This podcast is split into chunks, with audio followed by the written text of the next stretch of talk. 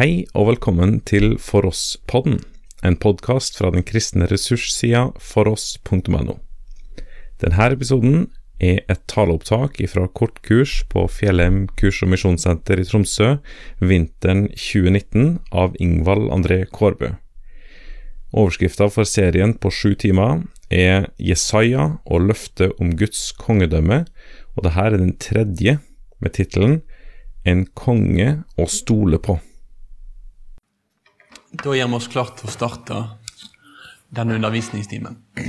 Vi skal holde fram med en time om, eh, om eh, Jesaja. Og det er Jesaja kapittel 7 til kapittel 12 vi i denne timen skal bruke tid på. Eh, I går så hadde vi en time om helt starten av Jesaja-boka, og hvordan denne boka begynner med å fortelle oss om den hellige Herren som Jesaja får møte i et syn. Da Jesaja gjennom å få se sannheten om Herrens herlighet får se noe av sannheten om seg sjøl. Hans synd blir avslørt.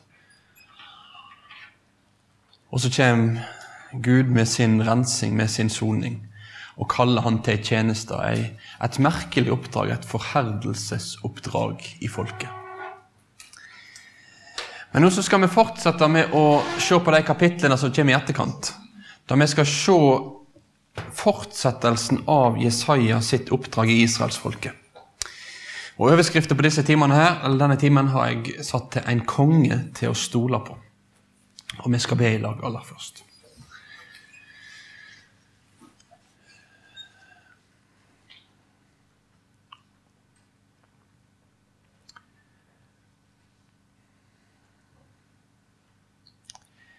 Far, vi vil få takke deg for at vi på nytt skal forsamles her og åpne opp ditt ord og lese hva du har sagt.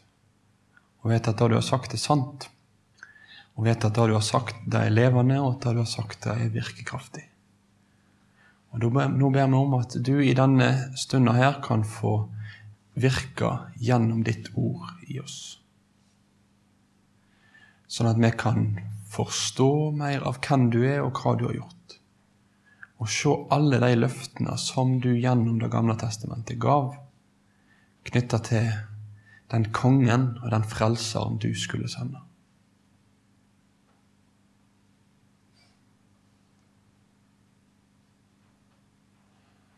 For la oss i denne timen òg få se at det er deg vi skal få feste vår lit til. Det er deg vi skal få stole på. Det er deg vårt sinn òg skal få bli prega av og styrt av. Ja, vi ber om at du får møte oss nå. I ditt navn ber vi om det, Jesus. Amen.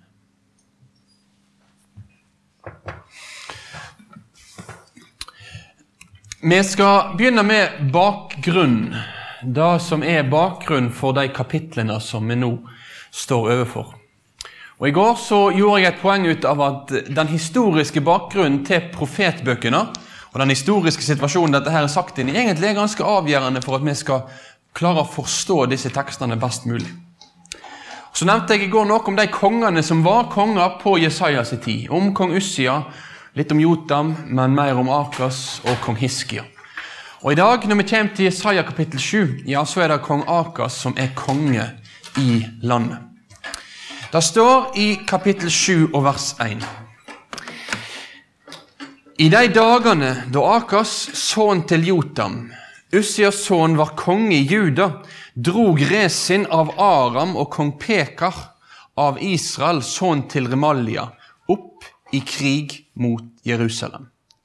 Men de greide ikke gå til åtak på byen. Det ble meldt til Davids hus. Arameerne har sleget leir i Efraim. Da skalv hjertet både hos kongen og folket, slik trea i skogen skjelv for vinden.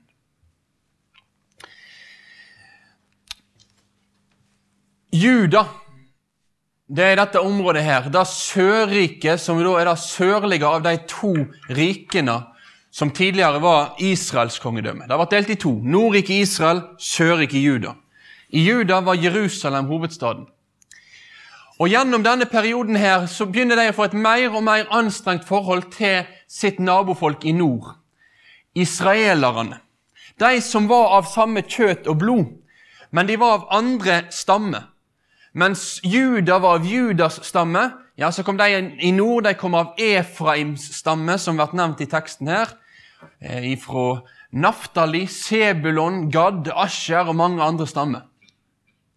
Men nå så har de i nord fått en konge, en konge som heter Pekar. Og denne kongen her, han har gjort en konspirasjon, en sammensvergelse med en annen konge. Kongen i Syria. Det som på mitt kart da ligger her oppe og blir kalt for Aram. Begge ordene har vært brukt.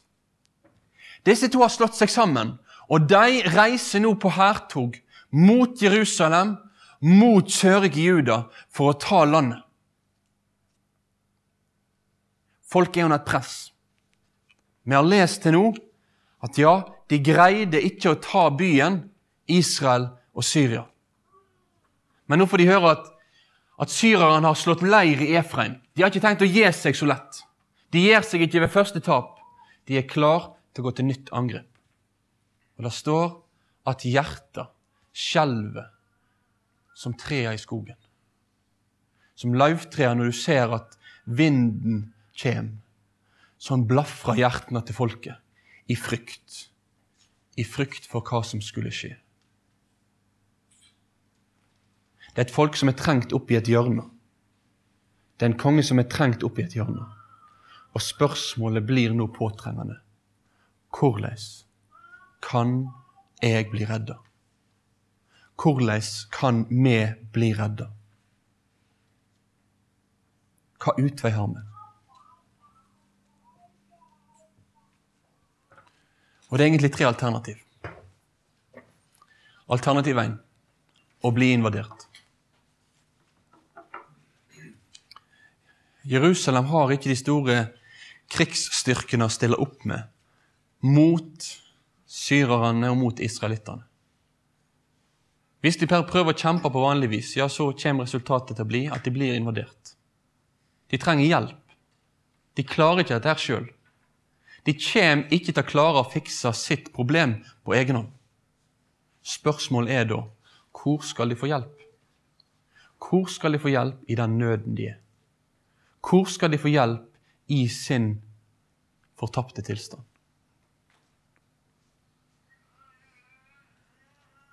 Og da er egentlig spørsmålet skal de få hjelp fra mennesket eller fra Gud.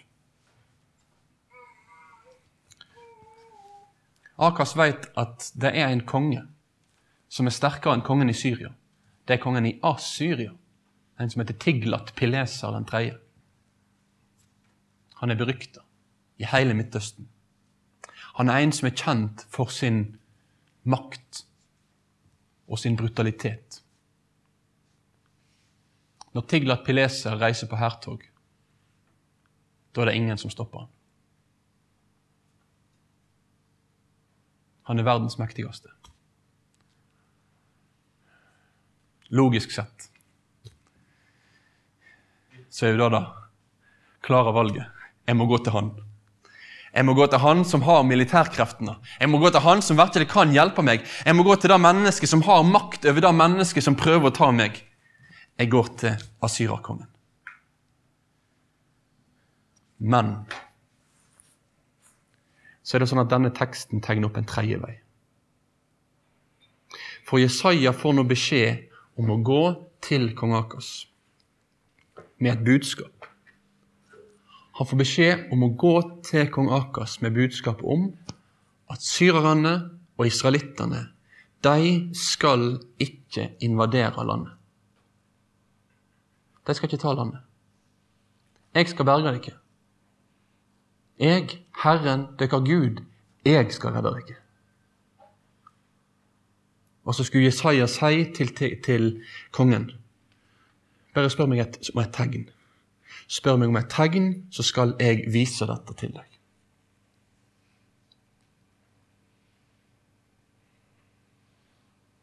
Akas, han Man prøver å være skinnhellig eller hva han prøver på. Det er ikke godt å vite. Men han svarer iallfall nei, nei, nei, jeg vil ikke be om noe tegn. Jeg vil ikke be om noe tegn, for jeg vil ikke sette Herren på prøve. Nei, jeg vil ikke sette ham på prøve. Jeg spør ikke etter noe tegn. Men Gud sier Jeg skal gi deg et tegn. Om du ikke vil ha et tegn, så skal jeg likevel gi deg et tegn. Jeg skal vise for deg, og jeg skal vise for folket, at jeg er den Gud som redder dere. Og så kommer tegnet. Det står i kapittel 7 og vers 14.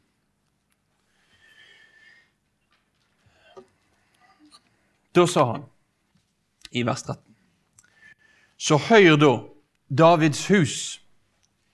Er det ikke nok at det trøtter mennesket, må det òg trøyte min Gud. Derfor skal Herren sjøl gi dykk et tegn. Sjå, den unge jenta skal bli med barn og føde en sønn, og hun skal gi han navnet Immanuel. Du vil ikke ha noe tegn, men ei ung jente, eller sånn som eh, de fleste bibeloversettelser har oversatt det, det er jomfru som skal bli med barn.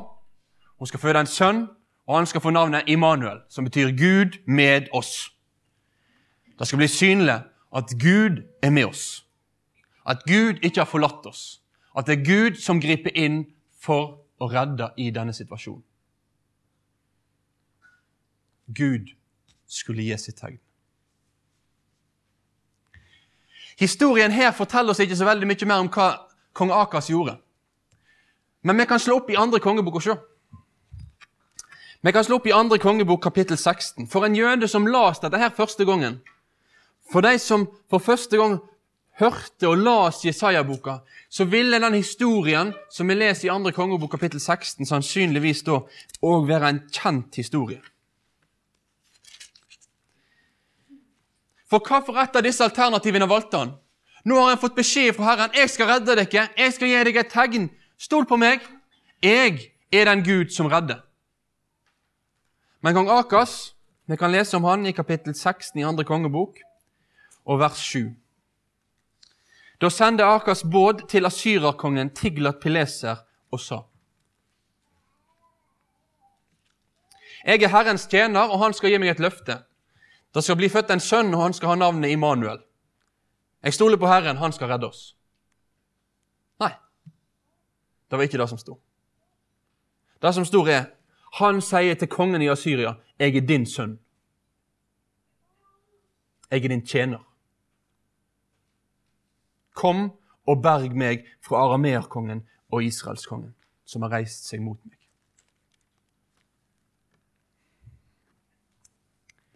Akas er pressa opp i et hjørne.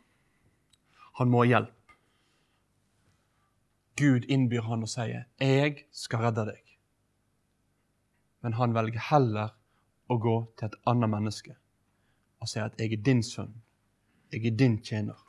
Det er du som kan redde meg. Historien om kong Akas er en historie som står der til skrekk og til advarsel. En historie om å stole på Gud eller å stole på mennesket. Da vi ser at Akas velger mennesket.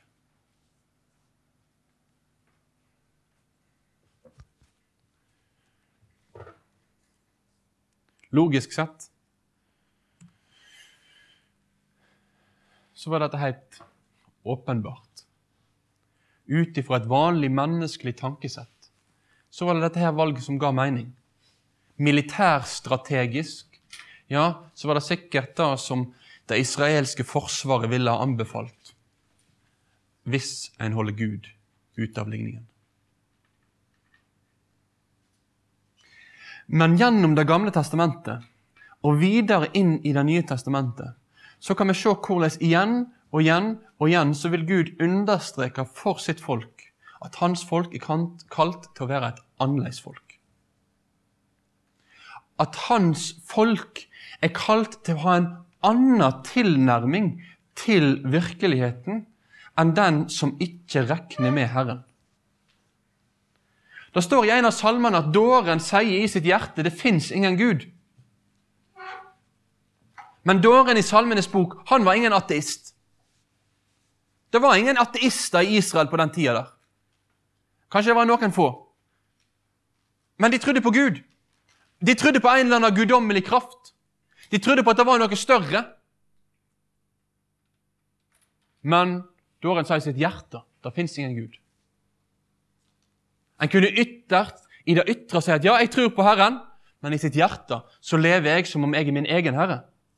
I mitt hjerte så lever jeg som at jeg er akkurat lik alle andre. I mitt hjerte så trenger jeg egentlig ikke Gud. Men så vil Bibelen igjen og igjen og igjen tale inn i våre liv, inn i våre hjerter, om at Herren er hjertets Gud. Om at Herren er den Gud vi skal få sette vår lit til. For livet og for evigheten.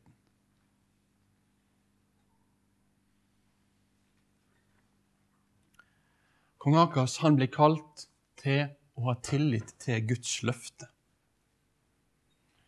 Og Det var dette barnet her, Immanuel, som skulle være tegnet på dette løftet.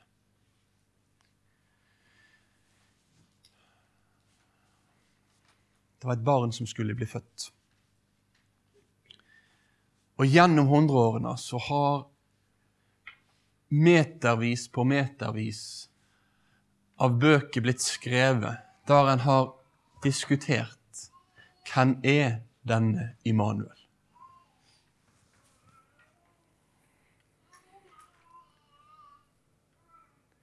For min del så er nok jeg av den oppfatning at her står vi overfor det vi ofte gjør i Gamle Testamentet, at det er en profeti som har flere lag i seg. Av og til så pleier jeg å sammenligne profetene i Gamle Testamentet med en mann som står på en fjelltopp. Og han står og ser innover fjellheimen. Og når han da står og ser innover fjellheimen, så ser han de ulike fjellene som er i horisonten der framme. Gud åpenbare framtida for han. Men jeg, jeg, er ikke noen fjellvandrer, det kan jeg si. Det, er jeg ikke. Men det jeg har forstått, og det jeg har observert når jeg har vært på fjelltur, det er jo det at når jeg står her og ser bortover fjellene, så er det jo sånn at disse toppene de glir veldig ofte i hverandre. Jeg ser framtida, jeg ser landskapet som ligger der. Men antallet topper og dalene mellom toppene, det er skjult for meg. Men etter hvert som jeg da hadde gått, hvis jeg hadde gått ned her og kommet opp på den toppen, ja, da hadde jeg sett at nei, her var en ny dal. Og så hadde jeg gått opp der og der og der. Så når, når en profet da står og ser framover, ja, så ser han løftet om hva Gud skal gjøre. Men hvordan Gud oppfyller det, det er ikke alltid sånn som det ved første øyekast ser ut til å være. Ofte så kan oppfyllelsen ha flere lag. For det står i det neste kapittelet om at Jesaja snart kommer til å få et barn. En som får det flotte navnet, som jeg har prøvd å inspirere bibelskoleelever av og til til å kalle sine unger, Maher Shalal Hashbas. Men jeg har fortsatt ikke hørt noen som har kalt ungen sin det. Men Jesaja får dette barnet her. Og det går tydelig fram i historien om Jesaja at hans barn òg skal få være som et tegn. Så dukker han opp i kapittel 8, og det er omtalt Navnet Immanuel blir brukt igjen der. Så på et eller annet vis så, så Kanskje kan den profetien ha noe å gjøre med at ja, her var det et barn som skulle bli født. Jeg vil iallfall ikke utelukke det. At når denne Maher Shalal Hashbas ble født, så var det det synlige tegnet for israelsfolket på at ja, Herren holder sine løfter. Men Bibelen er tydelig på at, at det løftet som blir gitt her, det sprenger rammene. Det går så mye videre enn det som skjer i Maher Shalal Hashba sitt liv. Det er en annen gutt som kommer til å bli født. Det er en annen gutt som kommer til å bli født av ei jomfru. Og det er en som vi møter i Nytestamentet, som får navnet Jesus. Når Jesus kommer, før Jesu fødsel, så blir det synliggjort at dette er den endelige oppfyllelsen av Guds løfte i Jesajas tid. At de ordene som Jesaja fikk tale, nå Nå får de sin endelige oppfyllelse.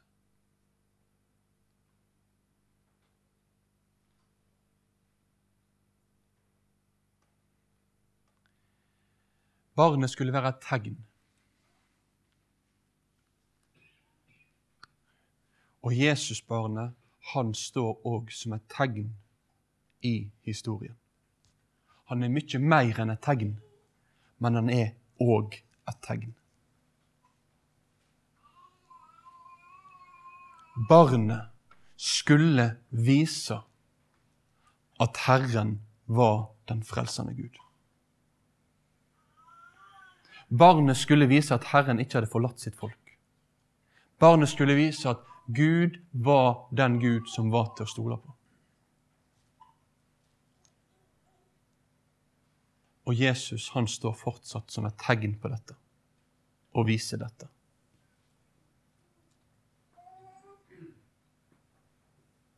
I mitt liv, i ditt liv.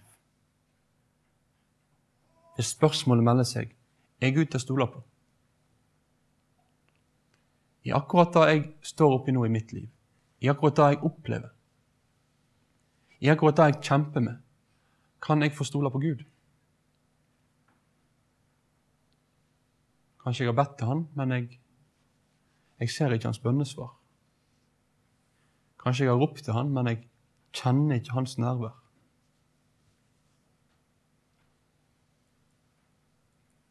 Så kan jeg få klynge meg til det tegnet Gud har gitt nemlig Sønnen.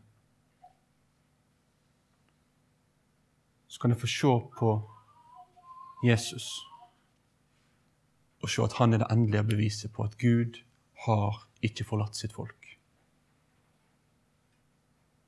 At Gud er den Gud som er til å stole på. At om alt kan virke håpløst, så får jeg ha mitt håp i Jesus.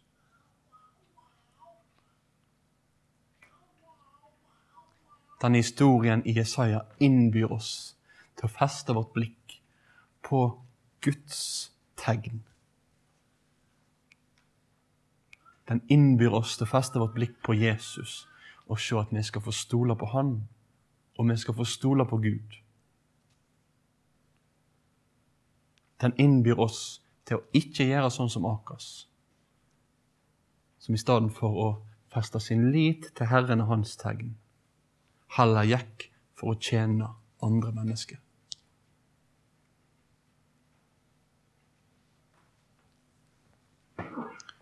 Guds folk skulle få være et annerledes folk.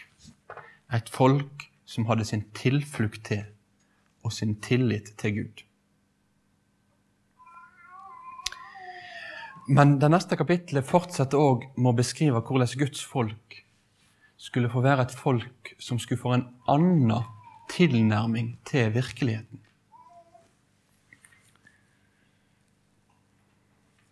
Det å tilhøre Herren, ja, det hadde å gjøre med hva en fester sin lit til. Det handler om hjerteforholdet. Men det handler òg om sinnet, og hvordan en innretter livet sitt.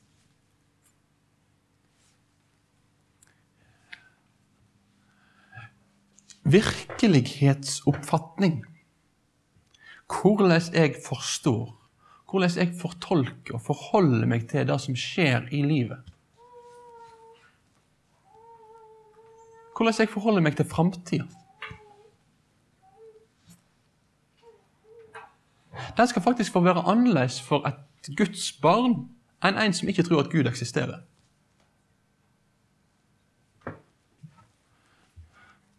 Vi kan nærmest tenke oss at ja, hvis jeg står her, og min ikke-kristne venn står her Selvsagt så skal vi få tenke veldig likt om mange ting i livet.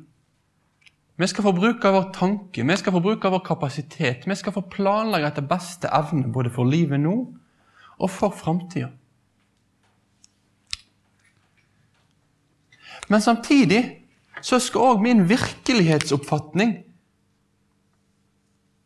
få bære med seg at det er en som står over mitt intellekt. En som står over mitt hode.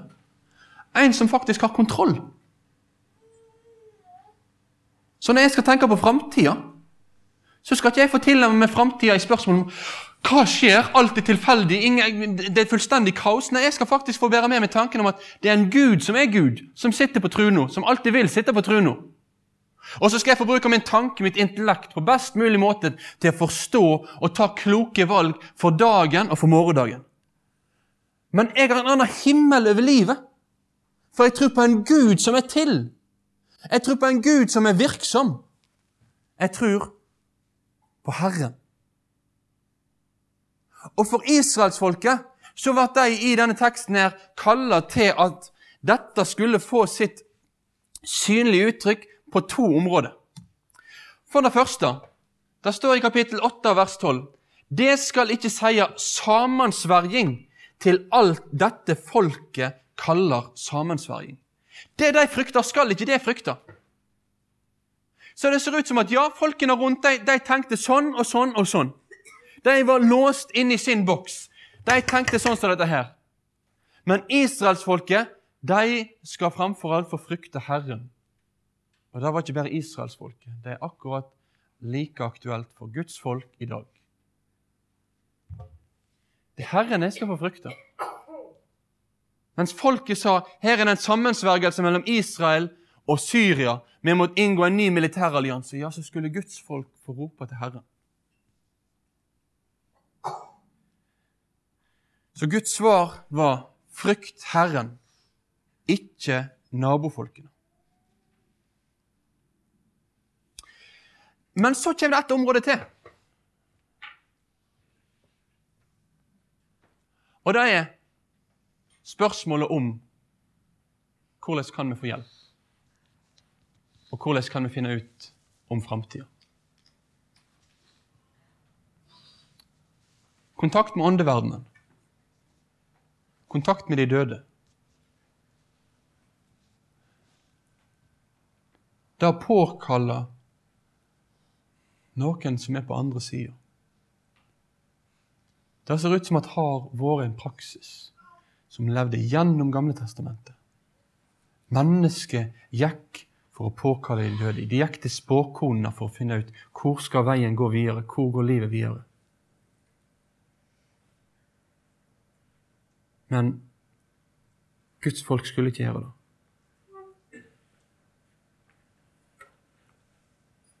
For Guds folk hadde å gjøre med en levende Gud. Da trengte de ikke noe hjelp fra de døde. Guds folk hadde å gjøre med en Gud som ser dagen i dag og dagen i morgen hver en dag. Da var det ingen døde en skulle få oppsøke for å få hjelp.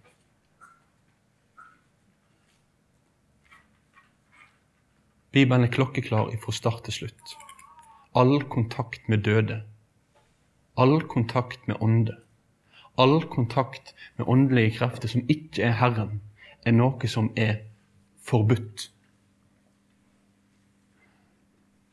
for Guds folk. Og det har å gjøre med at Guds folk har Gud. At Guds folk har Herren de kan påkalle. Den allmektige en kan få be til.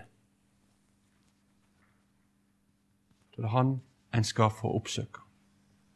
Spør den levende Gud, ikke de døde.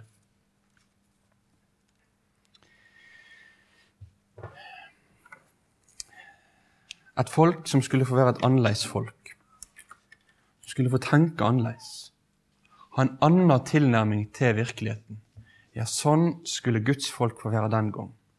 Og sånn er òg Guds folk kalt til å være nå. Men historien fortsetter. For den kongen som er i Israel nå, han er ingen god konge. Akas er en konge som har i sin regjeringstid ført avgudsdyrkelse inn i folket. Ført de lenger og lenger vekk ifra Herren. Og Gud advarer om at nå kommer dommen til å komme til å ramme dere. Det forviller dere inn i mørket. Det forviller dere bort ifra Gud og inn i den mørke natta. Det trenger hjelp. Og så kommer budskapet i Jesaja kapittel 9 om at Gud skal komme til å sende en, en fredsfyrste som skal komme med lys midt inn i mørket. La oss lese starten av kapittel 9.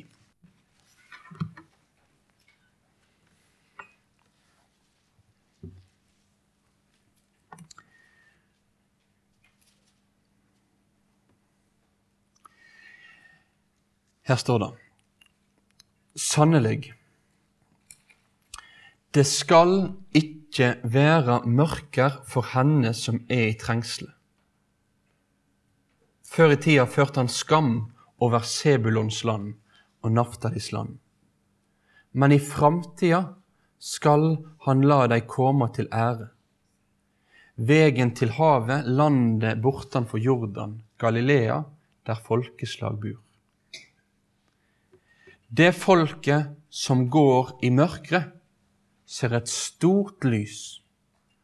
Over de som bor i dødsskuggens land, stråler lyset fram.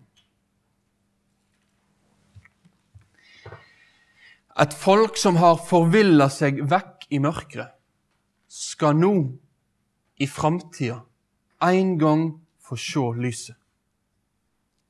Og det er snakk om Naftalis land og Sebulons land. Og Det er det området helt nord her oppe i Israel. Det som senere i historien kommer til å bli omtalt som Galilea. Eller enda mer spesifikt hedningenes Galilea. Dette var et område for veldig mye blanding av både ulike kulturer og ulike religioner. Det ser ut som at kanskje det var en av de første inngangsportene for, for en blanding av gudstro.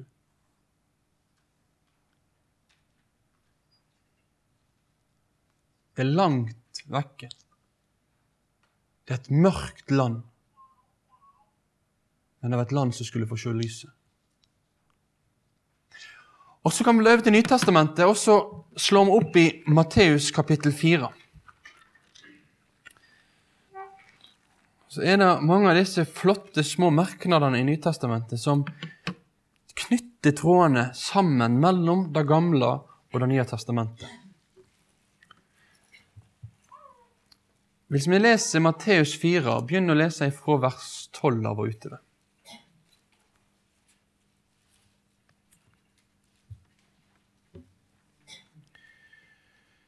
Så står det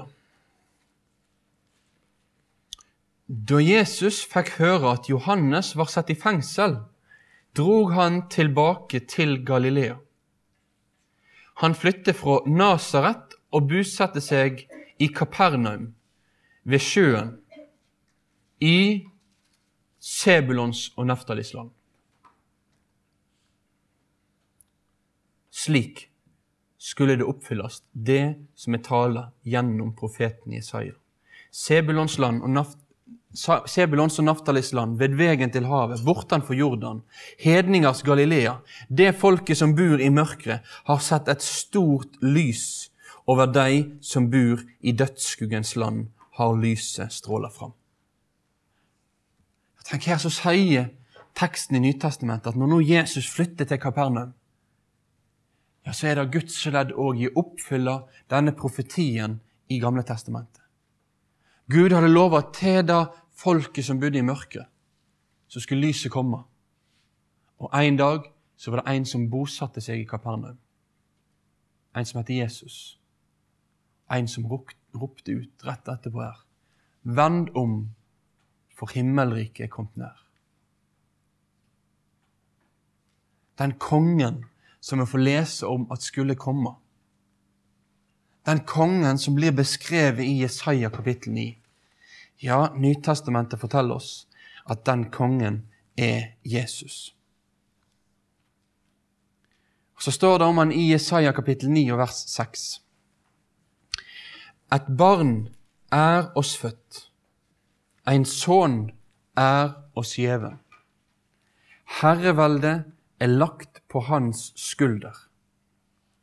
Han har fått navnet Underfull rådgiver, veldig Gud, evig Far, fredsfyrste.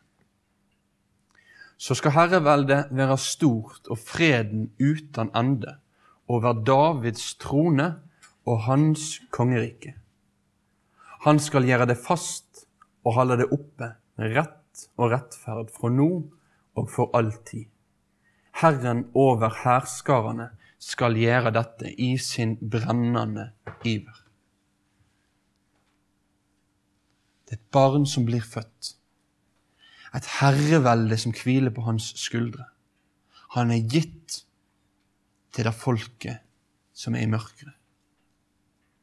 Og hans navn lærer oss noe om hans rolle, hans karakter, hvem han er og hva han skulle gjøre. Han som i visdom skulle gå fram og være Guds underfulle rådgiver. Han som skulle være den veldige Gud midt iblant oss. Han som skulle få styre sitt folk som en evig og god far. Han som skulle få være fredsfyrsten. Kong Akas svikta. Kong Akas fremma urettferdigheten. Men her så kommer den gode kongen. Her så kommer den kongen som skulle redde sitt folk. Her kommer Messias.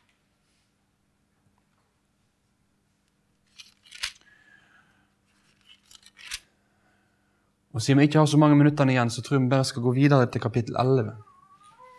Uten å dvele så mye med det som sto mer i kapittel 9. Men det kan godt bruke tid på det og lese det og tenke over hvordan dette her har blitt og kommer til å gå i oppfyllelse òg i framtida.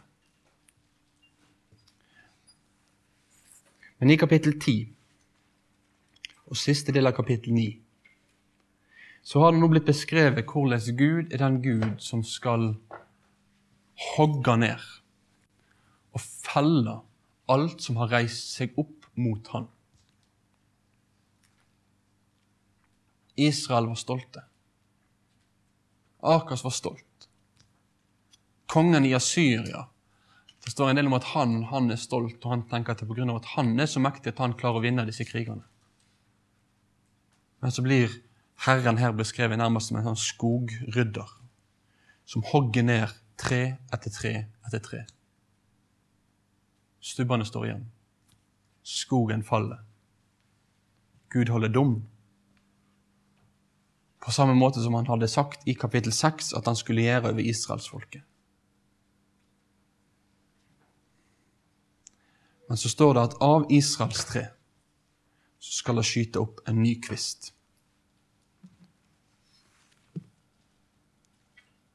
Uansett hvem som reiser seg mot Herren, så skulle de felles. Ingen kan erstatte Gud. Ingen kan prøve, eller Mennesket kan prøve å være Gud, men mennesket er ikke Gud.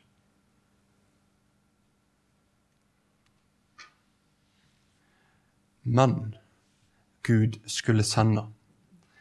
Han skulle sende en ny konge til et folk som hadde fått erfare og kjent Guds dom. Så står det i kapittel 11 at en kvist skal skyte opp fra Isais stubbe, og et skudd skal spire fram fra hans røtter.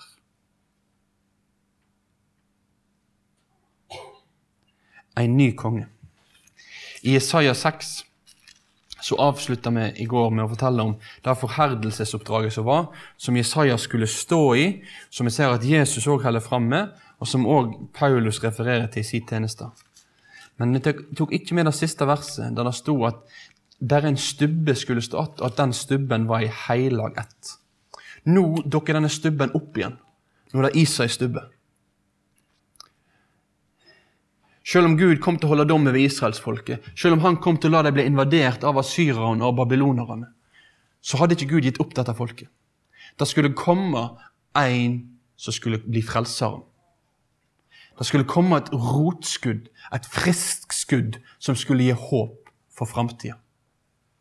Og det er denne kongen her vi da leser om i kapittel 11. Herrens ande skal hvile over han en ande med visdom og forstand, en ande med råd og styrke, en ande som gjev kunnskap og frykt for Herren. Han skal ha si glede i frykta for Herren. Han skal ikke dømme etter hva auga ser, og ikke skifte rett etter hva øyra høyrer. Han skal dømme fattige rettferdig. I rettferd skal han skifte rett for de hjelpeløse i landet. Han skal slå landet med riset i sin munn og drepe de urettferdige med pusten fra sine lepper. Rettferd skal være belte om livet, og truskap belte om hoftene hans. Sånn skulle den kongen være. Han skulle være utrusta av Herren. Herren var den som ved sin ånd skulle gjøre sin gjerning gjennom ham. Han skulle styre etter Guds vilje. Ikke sånn som Akas gjorde, ikke sånn som de andre kongene gjorde. Men etter Herrens vilje.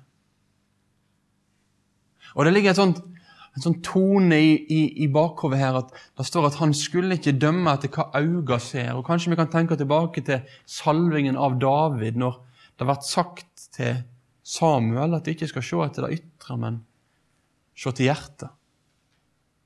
Og Her så ser vi en konge som, som skal være opptatt av hjertet. En konge som skal være opptatt av at det er det som er rett, som skjer. Mens mange konger i Israels historie har utnytta svake, utnytta fattige, brukt sin posisjon for sjøl å bli rikere, så skulle denne kongen være en annerledes konge. Ikke en utnyttende konge. Ikke en ubarmhjertig konge. Men en konge som så til og tok seg av sitt folk. Han skulle ta et oppgjør med urett. Og så kommer neste del av kapittelet, som er spesiell. For det som står til nå, da kan det virke som at det, dette var litt av en konge. Tenk, her, her er det en konge som skal ta et oppgjør med uretten. Retten skal gå fram. Men så leser vi det neste verset, og hvis ikke vi hadde lest det før, så hadde det vært litt sånn kolossalt. For da står det da skal ulven bu sammen med lammet. Og leoparden legger seg hos kje. Kalv og ungløve skal beite sammen, medan en smågutt gjeter det. Ku og bjørn skal beite, ungene deres legger seg sammen, og løva skal etter halm som oksen. Spedbarnet skal leike attmed håla til slangen, og barnet strekker handa ut mot ormebolet. Ingen skal skade eller ødelegge noe på hele mitt hellige fjell. For landet er fylt av kjennskap til Herren, slik vatnet dekker havets bunn. Den dagen skal Isais rotskudd stå som et banner for folka. Folkeslaga skal søke Han, og hans bostad skal være herlig. I hans tid så skal hele skaperverket bli gjennomsyra av fred. Så djuptgripende skal denne kongens virke være at alt ondt kommer til å være forbi. Ikke bare synd, ikke bare eh, lidelse påført av menneske mot menneske, men hele skaperverket er i en ny harmoni, en shalom, en fred. Dyrene bor godt sammen. Ungene trenger ikke være redde for slangene, for landet er fylt av kjennskap til Herren.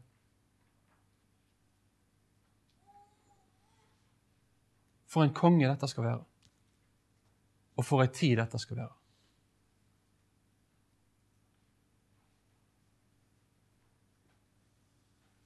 Og da blir mitt spørsmål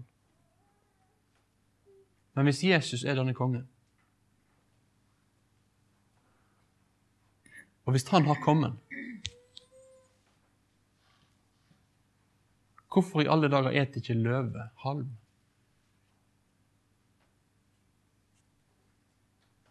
Hvorfor er vi så redd for ulver i Norge? Hvordan kan det henge sammen?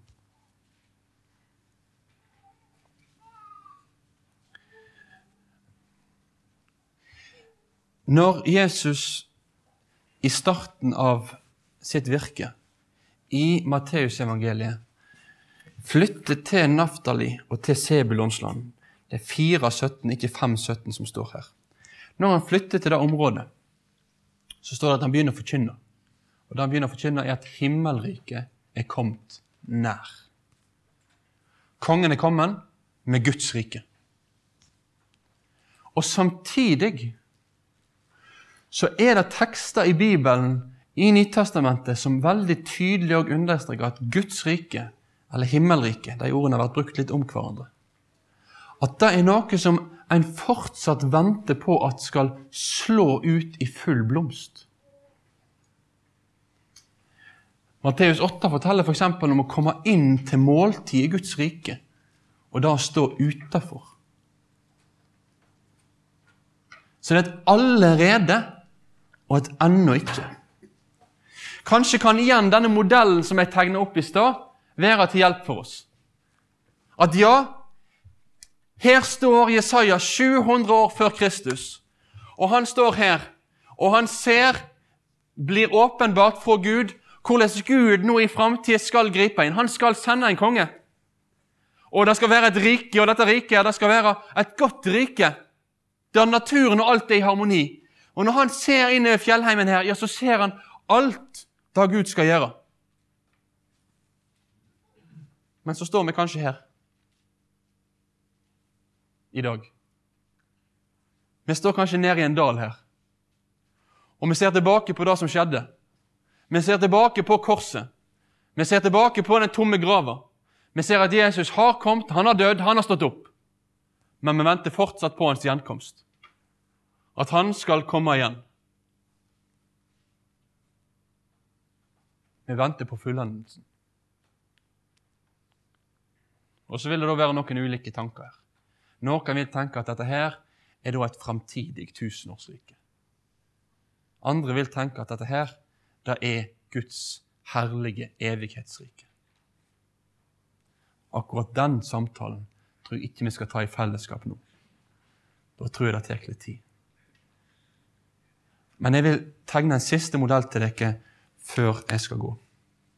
Eller ikke før jeg skal gå, før vi skal ta friminutter. og Gi oss for noe. Verdenshistorien, den går bortover. Ifra skapelsen og framover. Så skjer det et avgjørende vendepunkt i verdenshistorien. På et tidspunkt så kommer Jesus. På et tidspunkt så er det et nytt rike som kommer nær. Det er en ny tid.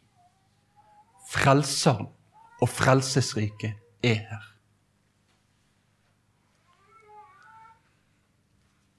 Og i tida etter Jesu komme, ja, så er det fortsatt realiteten at kongen har kommet. Han er her. Han har kommet, han har gjort soning for alle våre synder. Men nå lever vi i denne tidsperioden her.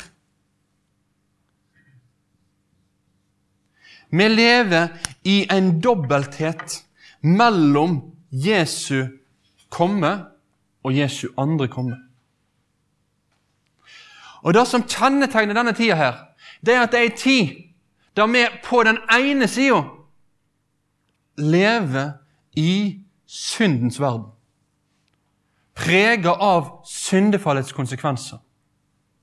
Med alt det det har å medføre for våre liv, for naturen for alt sammen. Vi lever under forgjengeligheten. Men i Jesus Kristus har vi fått del i en arv som er uforgjengelig, uflekka og uvisnelig, og som er gjemt for oss i himmelen. Ved trua på Jesus Kristus har han fått blitt en borger i Guds rike. Ifølge Feserbrevet så er jeg, jeg blitt satt i himmelen med Jesus. Derfor så lever jeg nå i denne tida her i en visshet om at forfallet og forgjengeligheten er noe jeg kjenner på min kropp. Men i mitt sinn og i min tanke, og òg i glimt i mitt syn, ja, så får jeg se det at det er et nytt rike som har spira fram. At det er en uflekka og uforgjengelig arv jeg har fått del i himmelen. At jeg ved Jesus Kristus har fått del i et evig liv. Og at når denne jordas tid er forbi, ja, så vil all ondskap være ferdig. Så vil all lidelse være borte. Så vil all smerte være historie. Da er det Jesus, kongen. Da er det han jeg skal få være med. Da er det han jeg skal få være hos. Da er det han mitt blikk skal få være faste på.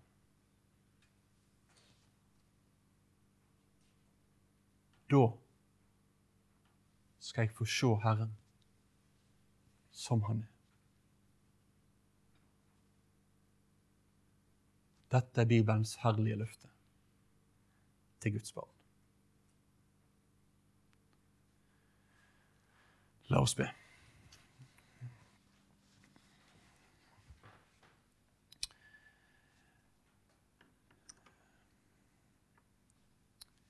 Far, vi vil få takke deg for de profetiene du har gitt i ditt ord.